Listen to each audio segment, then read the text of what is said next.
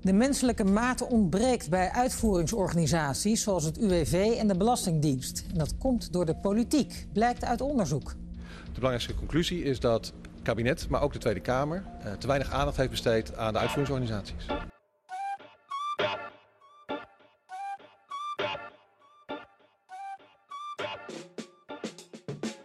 Naar aanleiding van de toeslagenaffaire hoorde je het steeds vaker. De menselijke maat is zoek. Groepen mensen dreigen verdrukt te raken tussen de vaste kaders van strenge regelgeving. En ambtenaren krijgen niet de ruimte om zich over individuele zaken te buigen. Ook niet als ze aanvoelen dat regelgeving verkeerd uitpakt. Maar hoe vind je dan de balans tussen vaste kaders en de menselijke maat? Ik ben Harmer van der Veen en in deze podcastserie Tussen Publiek en Politiek ga ik elke aflevering in gesprek over een belangrijk thema dat speelt op het snijvlak van overheid en samenleving. En in deze aflevering kijken we naar het belang van de menselijke maat in regelgeving. En dat doe ik samen met Nathalie van Berkel. Zij is lid van de Raad van Bestuur van het UWV. En Mathieu Segers, hoogleraar bij de Universiteit Maastricht. En hij is lid van de Wetenschappelijke Raad voor het Regeringsbeleid. Nog wel even het vermelden waard. Nathalie zit hier bij mij in de studio. Maar met Mathieu heb ik een beeldverbinding vanuit Maastricht. Nathalie, wat is voor jou het begrip menselijke maat? Waar staat dat voor? Nou ja, het is een heel ruim begrip. Maar voor mij gaat het over een paar dingen. Ehm, voor mij gaat het over echt verbinding maken met elkaar als mensen. Ehm, en uh, dat dat dus niet ineens ophoudt als je als mens uh, uh, in een professionele rol een ander mens probeert te helpen. Kort gezegd, de overheid niets meer, maar vooral ook niets minder is dan een hele grote verzameling mensen bij elkaar die een nog veel grotere groep mensen probeert te helpen en te ondersteunen. Mathieu, wat, wat, wat, wat, wat zie jij, wat versta jij onder het begrip menselijke maat? Nou, de menselijke maat, als we dat uh, toespitsen, eh, zal ik maar zeggen, op de publieke diensten, dan, um, en daar hebben we het vandaag over, uh, dan vind ik het heel belangrijk dat die publieke diensten, die zijn er, en die zijn ooit opgericht om het verschil te maken in het leven van mensen. En ieder leven is een ander leven. En het verschil maken in het leven van mensen is heel erg moeilijk. Uh, omdat dat zo verschillend uh, kan zijn. En het vraagt dus echt, om het maar eens met een populair woord uh, te beschrijven, maatwerk. En als je tegelijkertijd die publieke diensten van tegenwoordig ziet, hoe groot die zijn, hoe groot de organisaties zijn, hoe groot de zucht is in die organisaties naar bijvoorbeeld efficiency, dan kan het heel makkelijk zo zijn dat dat doel om het verschil te maken in het leven van mensen, uh, naar de achtergrond verdwijnt in, dat, in die grote organisatie. En dan hebben wij tegenwoordig heel snel over de menselijke maat is zoek. Ik ben het daarnaast helemaal eens uh, met wat er net gezegd is. Namelijk dat natuurlijk ook die organisatie bestaat uit mensen. Dus dat het ergens niet zo moeilijk zou moeten zijn om die menselijke maat, om dat besef dat dat belangrijk is, ook weer terug te brengen in die organisaties, ook al zijn ze groot. Je wil dus maatwerk leveren. Dat betekent meteen al lijkt dat complex. Want eigenlijk wil je elke burger dat bijzondere dienst verlenen die voor hem of haar van toepassing is. Zeker ook waar, waar jij nu zit, bij het UWV. En, en Mathieu, leidt dat dan niet on, onmiddellijk tot ingewikkeldheid? Dat maatwerk. En daarmee weer te veel afstand. Um, ja, ja uh, en, nee. Want uh, kijk, um, uiteindelijk is het uh, inderdaad ingewikkeld om vanuit een grote organisatie heel toegespitst op individuele casus beleid vorm te geven. Dat, dat, dat, is een, dat is een hele grote uitdaging.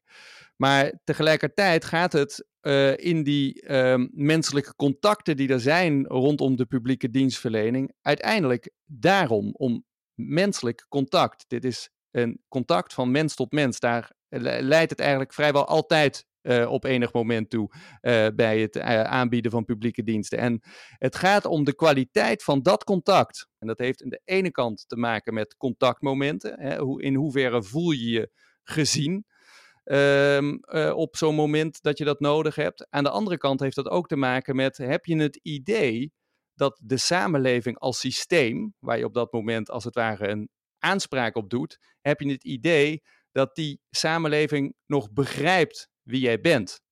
Of ben je daar een inwisselbaar een inwisselbare burger geworden, om het zo maar eens te zeggen. Dat is een, een, een, belangrijk probleem. En aan de andere kant van de medaille speelt ook het probleem.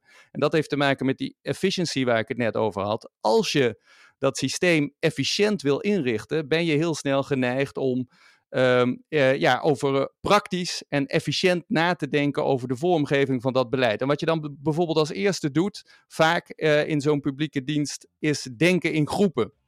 Zijn er bepaalde aandachtsgroepen die bijvoorbeeld meer aandacht nodig hebben? Uh, is het gevolg daarvan dat de persoon die uiteindelijk die dienst ontvangt, zich heel vaak gestigmatiseerd voelt op een meerdere of een mindere mate als een onderdeel van een groep en ja. niet gezien wordt als, als een mens.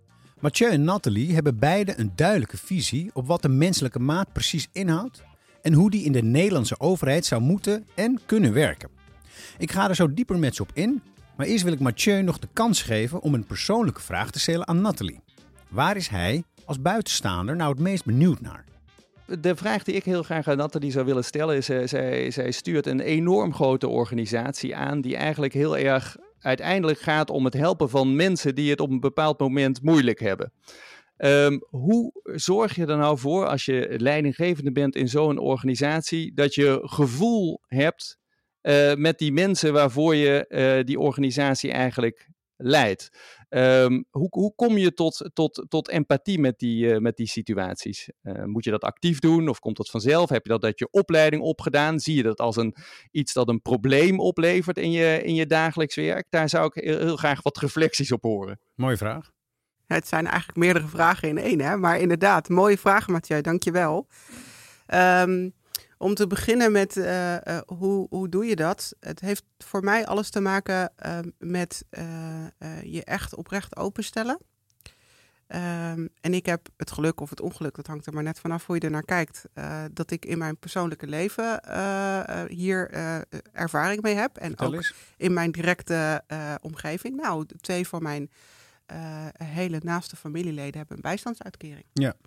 Uh, en ik ben opgegroeid in een heel arme situatie. Dus ik weet wat het betekent om afhankelijk te zijn in een aantal gevallen van de overheid of van, van hulp van anderen uh, uh, om, te kunnen, om te kunnen leven of te kunnen overleven soms zelfs. En scheelt dat? Helpt dat? Is dat? dat weet ik niet, maar het helpt mij wel. Het maakt dat ik me goed kan inleven ja. in, in uh, hoe dit voelt voor mensen. Je kent de andere kant? Ik ken de andere kant. Ja. Uh, voor mij voelt het dus ook niet als kanten. Nee. Uh, um, dat is één.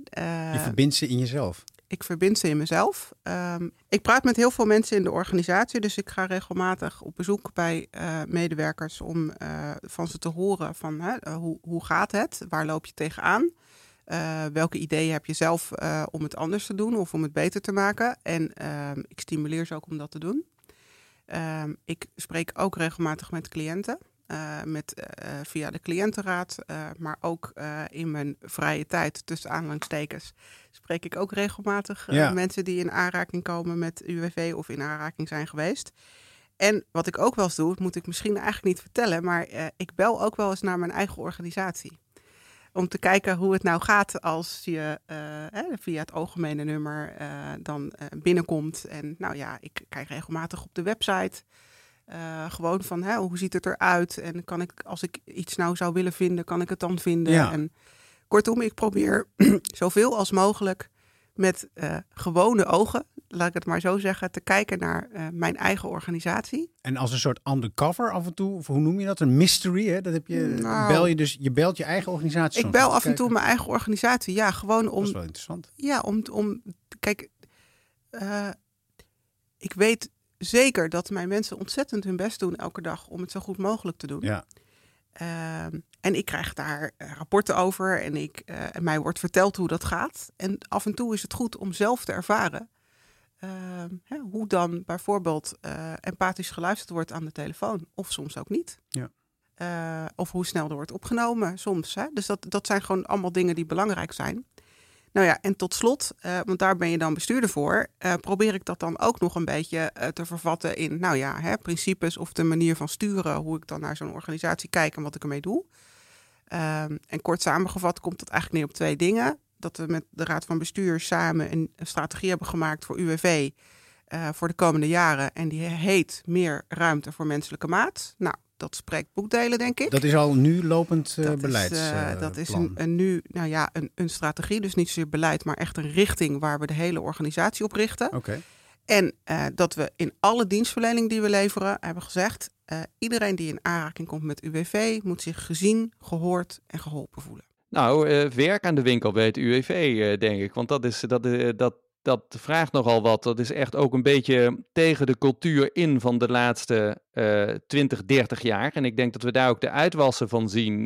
bijvoorbeeld in zo'n toeslagenaffaire, hè, zal ik maar zeggen, doorgeschoten efficiency denken, wat ertoe leidt dat men eigenlijk niet meer helemaal ziet waar men het ook alweer voor deed. En dat er zelfs toe kan leiden dat je handelt uh, in, uh, in strijd met artikel 1 van de grondwet. En mensen dus niet als een mens ziet, maar als onderdeel van een groep in eerste instantie.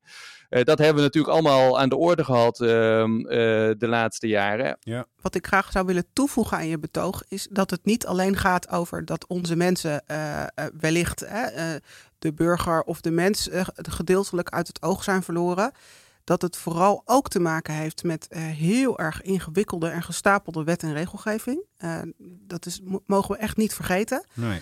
Um, en uh, dat, dat efficiency denken, dat is echt een opdracht geweest. Hè? Dus het is niet zo Ja. dat we zelf hebben bedacht op een achternamiddag, weet je wel, zo van er gaat een lampje aan, bingo, zullen we eens lekker efficiënt gaan worden. Nee, dat was een opdracht, Van wie? een hele harde opdracht vanuit de politiek naar ons allemaal. Maar is dat iets van de laatste jaren, laatste decennia? Is dat, is dat het, het, een bepaalde politieke stroming die hiervoor heeft gezorgd? Wat, wat, is, wat is jouw visie daarop? Ja, daar kun je van allerlei vakjargon tegenaan gooien, zoals nieuw public management en zo. Uh, Wat, dat wat soort stromingen. zeggen? Ja. Uh, maar het, kort samengevat komt het erop neer dat we met z'n allen vonden dat uh, het wel wat gewoon wat, wat efficiënter kon bij die overheid. En dat er ook wel heel veel mensen uh, misschien onnodig geholpen en ondersteund werden vanuit de overheid. Hè? En dat we toen hebben gezegd met z'n allen, en dat vertaalt zich dan in politiek en een politieke opdracht naar die overheidsorganisaties. Goh, ga nou gewoon eens even een beetje beter kijken of iedereen die uh, hulp krijgt daar nou eigenlijk wel recht op heeft. Ja. Want hè, het, is, het is wel een beetje, een, beetje, een beetje ruim en luxe allemaal.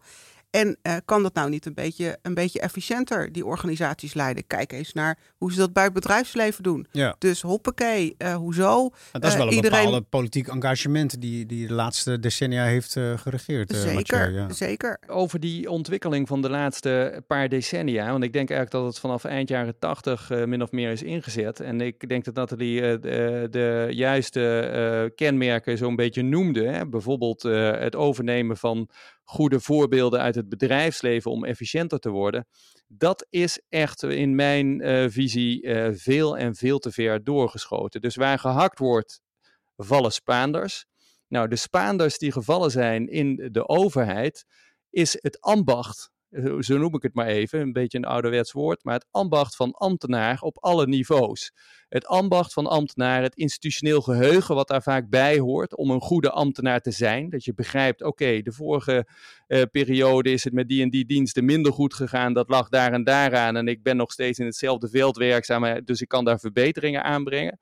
Maar vooral het, het ambacht, dat ambtenaar zijn is niet zomaar iets. Je bent niet inwisselbaar uh, als ambtenaar, zoals je dat dus ook als klant van die publieke overheid niet bent. En zo is er wel omgegaan met ambtenaren op alle lagen. En daar is een soort bedrijfslogica en marktlogica ingebracht, die ertoe ge, toe geleid heeft dat kwaliteit van het werk van de, van de ambtenaren echt uh, op heel veel punten uh, achteruit gehold is. En dat je ook beoordeeld werd, en dat zegt Nathalie eigenlijk ook, je werd beoordeeld op die efficiency-opdracht. Dat was je maatschappelijke taak, als het ware, uh, prioriteit nummer één. En daardoor is een heel ander type ambtenaar ontstaan. Je zou hem de manager-ambtenaar kunnen noemen, of de, de ambtenaar met een MBA-cursus.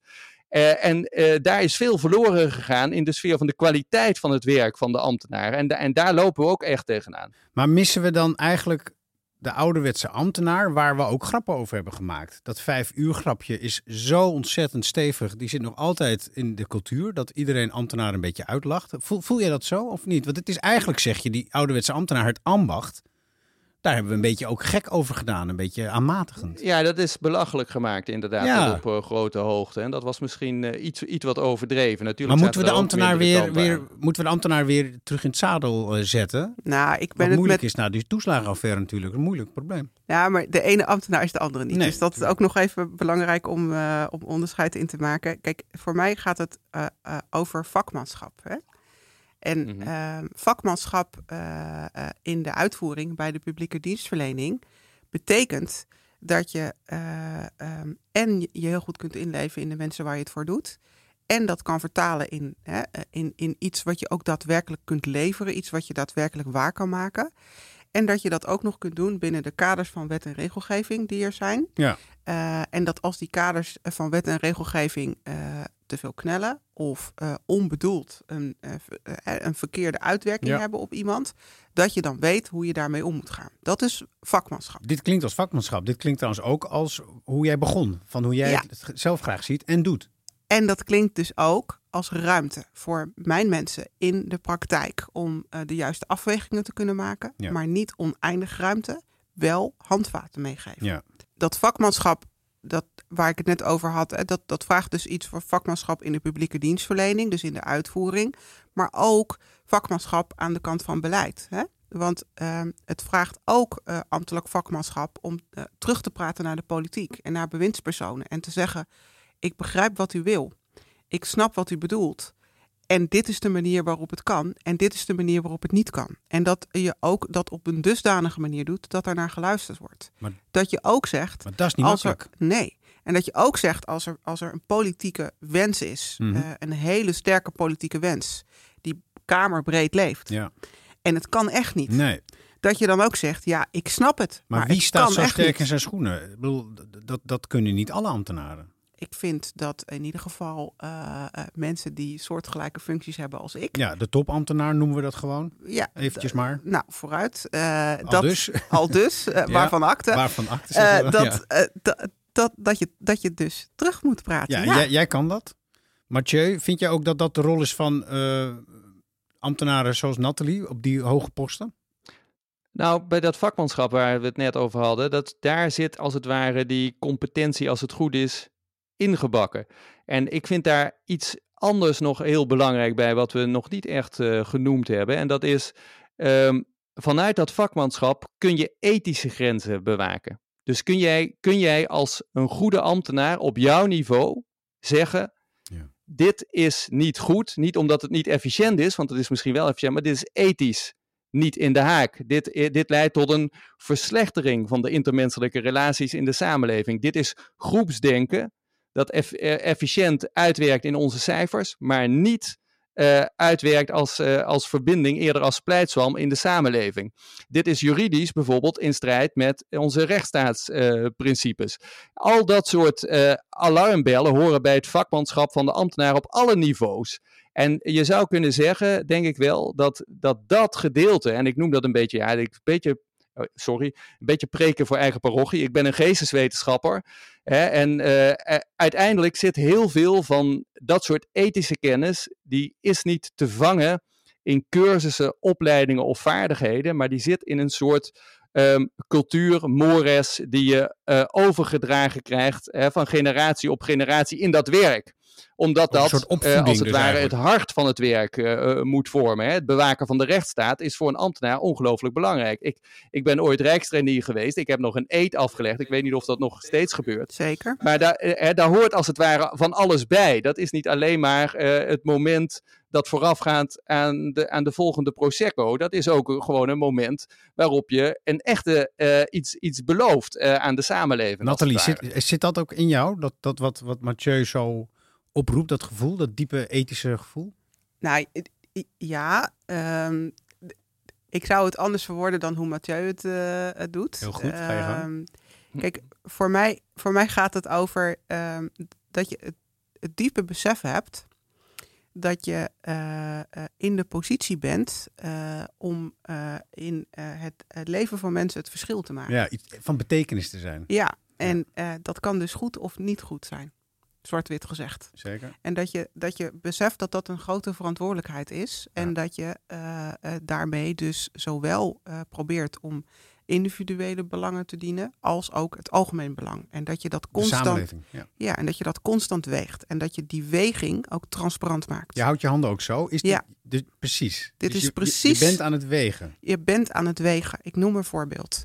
Ehm, als iemand bij mij eh, aan de balie eh, een cliënt voor zich heeft eh, die ernstig ziek is, maar die nog wel in staat is om te werken. Ja. Ik maak het even makkelijk en ik sla even een paar bochten over.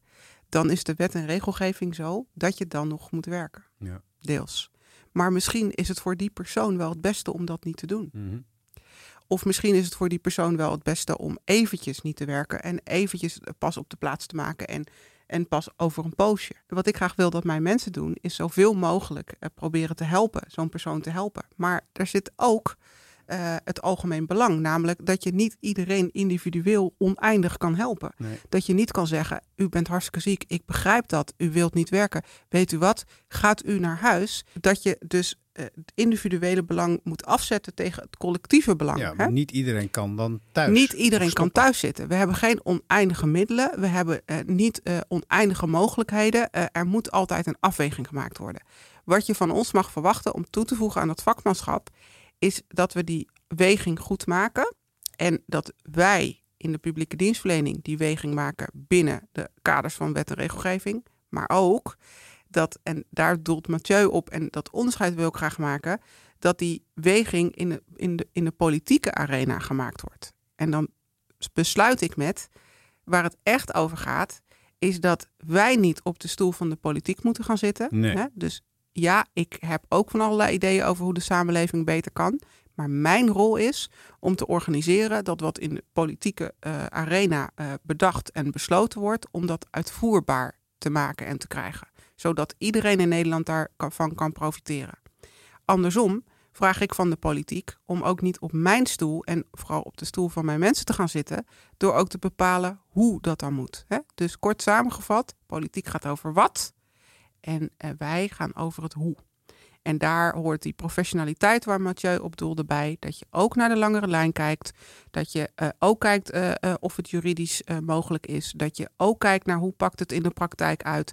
Dat je daarop ook terugpraat richting de politiek. Ja. Ik begrijp wat u wilt, maar als u dat wilt, dan is dit een betere manier om dat te doen. En dat je dan niet toch de de opdracht krijgt. Ja, ik, ik hoor wat je zegt, maar we willen toch graag ook over het hoe gaan. Want dan gebeuren er ongelukken. Mijn mensen hebben echt verstand van hoe het in de praktijk eraan toe gaat. Maar krijgen jullie wel het vertrouwen genoeg van dan die aansturende overheid? Hoe kijk jij daarnaar, Mathieu?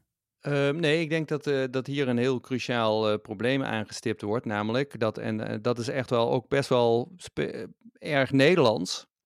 Dat de politiek zich steeds meer is gaan bezighouden eh, met dat eh, vakmanschap. En dat zie je niet alleen bij, eh, bij ambtenaren, waar ze dus niet geëquipeerd voor zijn. Hè? Want dan krijg je dus een hele opportunistische interpretatie van wat dat vakmanschap behelst. En dat zie je over de hele linie in de publieke diensten. Dus ze, zijn, ze, ze houden zich bezig met eh, de urenadministratie van eh, leraren tot op een detail. Ze, zorgen met hun juridische en financiële kaders voor een, een 90% invulling, zal ik maar zeggen, van wat een ver- verpleegkundige moet doen in een ziekenhuis. Ehm, en daar, daar zit een heel cruciaal punt. Dus ik ben het echt, eh, dit is heel belangrijk wat Nathalie zegt. Dit gaat om vertrouwen eh, in de mens die een vakman, vakmanschap ontwikkeld heeft in de professie waarin die mens werkt. Nu zijn er twee problemen. Eén, is dat vakmanschap er nog? Dat is voor mij echt een zorg. Ik, kijk, ik kom zelf uit het onderwijs eh, en ik zie dat het niveau al twintig jaar achteruit gaat. Dat is geen vooruitgang. En dat betekent ook achteruitgang van toekomstig vakmanschap. Dat is één. Het tweede is, en dat is minstens zo belangrijk, is: is er eh, bij de politiek het besef dat als er vakmensen zijn, dat je die ook vertrouwen hoort te geven en niet hoort te belonen met wantrouwen. Want nu is, en dat hoort bij die efficiency cultuur, alles gericht op afrekenen. En afrekenen is terugkijken om met een macrobril naar wat je eh, gepresteerd hebt op eh, statistische indicatoren. En dat heeft heel vaak, is dat een parallel universum met het werk wat de ambtenaar echt moet doen. En eh, om, om dit met een concreet voorbeeld te, te illustreren. Ik hoorde een jaar geleden of zo een verhaal uit Groningen dat ik echt heel illustratief vond. Dus je had daar uh, ook een, een, een, onderdeel van de sociale dienst. Die ging naar een probleemwijk in Groningen. Uh, en ging daar uitleggen dat zij meer menselijke maat in het beleid wilden hebben en hoe men dat ging doen. Beleidsambtenaar gaat met staf naar die wijk toe. Uh, wat blijkt? Er is een tolk nodig. Na, de, na de bijeenkomst bleek dat men elkaar niet begrepen had. De wijkbewoners hadden niet begrepen wat de ambtenaar met de beste bedoelingen had willen zeggen. Uh, en de ambtenaar had niet uh, begrepen wat de wijkbewoners met de beste bedoelingen terug hadden willen zeggen. Dus er was een vertaler nodig uh, om daar tussenin te komen. En dan was die tolk dus niet, even voor de duidelijkheid, iemand die van ene taal naar de andere taal, maar dat was een Nee, tolk die precies. eigenlijk van, van rijksoverheidstaal naar mensentaal moest. Ja, dus eigenlijk wel van de ene taal naar de andere taal. Ja. En, en dat is interessant, zeker niet efficiënt. Dat kost natuurlijk geld. Ja, dit was niet efficiënt, nee. Nee, nou ja, ik, ik, vind dit, ik vind dit wel een mooi voorbeeld waar verschillende dingen in zitten. Hè? Ehm, kijk, wat ik erg eh, eens ben met Mathieu is dat eh, er een groter wordende eh, verwijdering lijkt te ontstaan tussen ehm, mensen die, eh, ehm, die, eh, die het al goed hebben en het beter kunnen krijgen. En mensen die het niet zo goed hebben en de kans dat ze het beter kunnen krijgen niet zo groot is. Ja? Ehm, en die groepen mensen lijken ook niet echt met elkaar te interacteren of met elkaar te praten. Kim Putters heeft daar prachtige dingen over geschreven. Ehm, en dat is een hele zorgelijke ontwikkeling in onze samenleving. Wat je ook ziet en waar Mathieu ook op doelt is, en overigens geldt dat niet alleen voor de overheid, maar is dat ook gewoon in het bedrijfsleven zo, hè, dat als je in vakjargon praat, dat mensen die niet in dat vak aan het werk zijn, hè, dus mensen die niet in de, in, binnen de overheid werken, denken, goh, waar heeft die persoon het in godsnaam over? Eh, ik noem dat wel eens de, eh, je loopt door de poort eh, van je organisatie, hè, in mijn geval UWV. Je vergeet spontaan dat je ook gewoon een, gewoon een burger bent en dat je ook moeder bent en zus van en zo. En je stapt in de rol van professional, professionele ambtenaar. En ineens begin je anders te praten en anders te denken. Ja, raar te praten ook. Ja, Nou, vind jij dan, hè? Zeker, maar goed, weet ik- je, mijn afkoos zijn echt heel, do- heel duidelijk hoor. Maar goed, dat heeft terzijde. Hele leuke afkoop. Ja. Maar wat ik bedoel te zeggen is dat je bijna een soort van hè, eh, vergeet eh, dat, je, eh, dat je die rollen in jezelf kunt verenigen. Ja. Dat je als je, naar, als je met een groep mensen praat eh, en je eh, gebruikt een ingewikkeld woord, wat je zelf elke dag op je werk gebruikt, dat je zelf kan verzinnen dat mensen waarschijnlijk geen idee hebben waar je het over hebt. Dus dat zou al schelen om die maat terug te krijgen door Ja. weer Ja, maar kijk, Nathalie is natuurlijk een. Jij bent, jij bent atypisch, Nathalie, in zekere zin. Hè? Misschien, heb je net ja. heb je een inkijkje gegeven in je persoonlijk leven. Ehm, dat maakt jou heel sterk in deze positie. Dat, eh, die, de- deze mensen zijn er veel te weinig. Daar zijn veel mensen het ook over eens. Dat die er te weinig zijn eh, op dit soort posities. Dus waar het ook om gaat, en dat heeft toch ook heel vaak te maken met denken in schaalverkleining in plaats van in schaalvergroting, als het gaat over het verlenen van publieke diensten, is dat er ehm, contact is waardoor je weet wat bijvoorbeeld de, de, de taal is aan de andere kant eh, eh, in de samenleving. Waardoor je eh, af en toe meekrijgt wat daar de culturele gebruiken zijn, hoe men met elkaar omgaat, hoe dat anders is van je eigen culturele gebruiken en dergelijke. Jij bent historicus, Europees historicus. Jij kan het ook dus breder trekken in Europa. Is dit iets typisch Nederlands of is dit in heel Europa aan de gang? Hoe kijk je naar? Nou, Nederland is een koploper als het gaat eh, om, die, eff- om dat efficiency denken. En dat is voor een gro- groot gedeelte overgenomen uit de Anglo-Saxische wereld. Het sociaal beleid in het Verenigd Koninkrijk was een voorbeeldbeleid onder, onder Tony Blair voor de Nederlandse eh, overheid. En ik ben het helemaal ermee eens dat je niet moet doen aan socialisatie van armoede. Dus je moet er niet voor zorgen, bijvoorbeeld, dat mensen die makkelijk om een uitkering vragen, die ook per definitie zouden krijgen. Het voorbeeld wat, eh, wat Nathalie net gaf. Je moet daar grenzen eh, stellen en uitdagingen formuleren en proberen te werken aan eh, verheffings, het realiseren van verheffingsidealen. Ehm, eh, dus dat, daar ben ik het mee eens. De middelen die daarvoor ingezet zijn, het hoe zou je kunnen zeggen, dat is via de politiek gekomen, maar geleend uit het bedrijfsleven heel vaak. En dat zijn in mijn ogen heel vaak niet de goede instrumenten. Dus eh, dat Ja. hele instrumentarium moet opnieuw onder de loep genomen worden.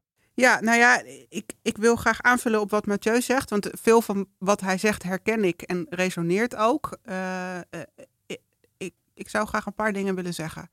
Het gaat ook heel erg over uh, ons allemaal en ons mensbeeld. je hebt zo'n mooi boek uh, getiteld De meeste mensen deugen. Ja. Um, dat daar een boek over geschreven moet worden, zegt al genoeg. Want we waren het vergeten misschien? Want we waren het misschien wel vergeten. In ieder geval hebben we de afgelopen jaren uh, zijn we niet uitgeblonken in vertrouwen in de ander. En dat heeft zich één op één vertaald in uh, hoe er in de politiek uh, met elkaar omgegaan wordt. Maar hoe kunnen we dat herstellen? En ook welke opdrachten gegeven zijn aan de overheidsorganisaties en de publieke dienstverleners in het bijzonder waardoor er heel veel nadruk is komen te liggen op fraudepreventie. Wantrouwen dus. Uh, en wantrouwen. Hè? En, en Mathieu zei net ook iets over die schaalverkleining. Uh, ik zou echt niet de indruk willen wekken dat uh, groter slechter is. Nee. Ehm, het gaat om dat je um, zo op zo klein mogelijke manier contact kunt maken met mensen die dat nodig hebben. Daar gaat het om. Ja. En dat kun je best vanuit grote organisaties doen. Dat kan wel. Tuurlijk kan dat. Mens op mens, één op dat één. kan. Goed dat je, loket, goed ja, klant en overheid. Dat kun je regelen en organiseren. Hoe dan? Uh, nou, bijvoorbeeld door uh, daarin goed samen te werken met de gemeente. En uh, een mooi voorbeeld wat we nu bij UWV aan het doen zijn, is we hebben regionale werkcentra, die zijn we nu aan het inrichten. Dat doen we samen met de gemeente, sociale partners en lokale, het lokale bedrijfsleven. En wat we daar doen is, iedereen kan daar binnenlopen die iets met werk zoekt. Ja. Of die al werk heeft, maar ander werk zoekt. En um, daar zeggen we, het maakt niet uit uh, wat je vraagt. Of bij wie je formeel moet zijn. Of welke groep je behoort. Precies. Ja. Wij gaan je helpen. Punt. Punt. Dat is, eh, daar hebben we nu, hè, dus de, op regionale plekken in het land. Kom maar. Dus zijn we die dus nu aan het inrichten. Nou, dat is daar een mooi voorbeeld van. Ik geloof daar erg in. Ik denk dat dat ook verder uitgebouwd kan worden. Uh, nog mooier is het als je dat soort punten ook kunt benutten. Hè? Dat doen we nu bijvoorbeeld met de bibliotheken. Uh, uh, dat bij de verschillende bibliotheken in de wijken ook vragen gesteld kunnen worden over andere overheidsdiensten. Nou, er is, is wel een omslag gaande um, in, in, dit, in dit denken. En ik, ik, ben, ik had zelf de eer en het genoegen om formateur te zijn van het nieuwe stadsbestuur in Maastricht. De, de stad waar ik vandaan kom en waar ik nu ook weer woon. Um, en daardoor heb ik een aantal van die dossiers eigenlijk weer van dichtbij gezien. En ik wil nog één voorbeeld geven, wat eigenlijk aangeeft dat de wal ook een beetje het schip aan het keren is. En dat je moet kijken naar schaalverkleining, niet zozeer als organisatiemodel, maar wel als een doelstelling in je dienstverlening. En Um, nu komt het voorbeeld. Let op. In Noord-Limburg, Noord-Limburg, uh, de plaats Afferden, daar was een ondernemende huisarts. En die dacht, weet jeetje, in de preventiesfeer is er eigenlijk heel veel te doen. Zeker met al die aandachtsgroepen die we hebben en die problemen hebben met obesitas, met ongezonde leefpatronen en daardoor ook drukken op de zorgkosten en op de organisatie uh, van de lokale uh, publieke diensten. Wat ging hij doen? Hij ging eigenlijk uh, dus dat preventiebeleid vormgeven bij de, bij de, zo dicht mogelijk bij de mensen. Wat bleek, dit was een groot succes uiteraard. Dus hier was uh, efficiëntiewinst gehaald in de zin van dat er 25% minder doorverwijzing was vanuit de eerste lijn, de huisarts, naar het ziekenhuis van de, degene die meededen aan deze proef. Wat gebeurt er vervolgens? Ja, dat bedenk je niet. Het ziekenhuis zegt, dit moet stoppen. 25%, dit is een te groot omzetverlies. Kijk, en hier moeten we het ook over hebben. Wat, hoe definiëren wij nou die maatschappelijke waarde? Is het zo dat het ziekenhuis hier gelijk heeft? Is dit een te groot economisch verlies voor het ziekenhuis? Dan hebben ze dus een reëel punt. Of moet je zeggen, nee, de maatschappelijke waarde die gehaald wordt door hè, het verminderen van die, van die doorverwijzing, mag wel misschien een niche, economische niche sector vernietigen binnen het ziekenhuis, maar het is nog steeds maatschappelijk enorme winst. Ja. Want het gaat uiteindelijk om het leven van die mensen en de preventie uh, die je vorm wil geven via dat nieuwe beleid. En dit zijn de grenzen waar we op dit moment tegenaan lopen. Dus er is een besef dat het anders kan en anders moet. En daar hoort ook het hele begrip brede welvaart bij. En dat je anders gaat kijken dan alleen maar naar economische winstmarges. Maar om het in de praktijk te brengen, daarvoor hebben we vakmensen nodig in de ambtenarij. Want Anders gebeurt dit niet. Want als je dit politiek laat uitwerken, wint de lobby van het ziekenhuis. Dat is ook precies wat gebeurde in Afferden. Proef gestopt, einde verhaal. Dus we hebben stoere ambtenaren nodig die het ambacht nog begrijpen. En Nathalie moet ook nog een school oprichten. Waar ze dan zelf les, waar ze zelf les geeft. Nou, ik, ik ga daar eens over nadenken. Naast Mathieu. UWV, doe je gewoon. Ja, doe, doe ik er even bij, joh. Ja. Geen probleem. En een ziekenhuis afschaffen. ja, eh, precies. Nou, weet je, eh, kijk, eh, eh, in de kern eh, ben ik het erg met Mathieu eens. Ik zou het een beetje los willen trekken van of je nou ambtenaar bent of niet. Ik denk dat het sowieso goed is. Als we met z'n allen wat meer wat we echt voor ogen hebben ter hand willen nemen. Kijk, het lijkt wel soms alsof we een beetje vergeten zijn eh, dat we onze eigen samenleving maken. De maatschappij, dat ben jij. Vast een Ja. oude slogan, Ja. maar waarom? We zijn toch een beetje ouderwets bezig met verheffing. Daarom, en precies. Hè? En, en, en misschien ook wel met brede welvaart, hoewel ik het daar wel mee eens ben. Dus Ja. eh, in die zin, hè, eh, je, hebt zelf, je kunt zelf heel veel meer eh, dan je wellicht in de gaten hebt. En eh, eh, iedereen heeft daarin zijn eigen rol te spelen. Eh, eh, eh, beleidsambtenaren moeten beleid maken zonder dat los te doen van, van hoe het dat in de praktijk uitpakt.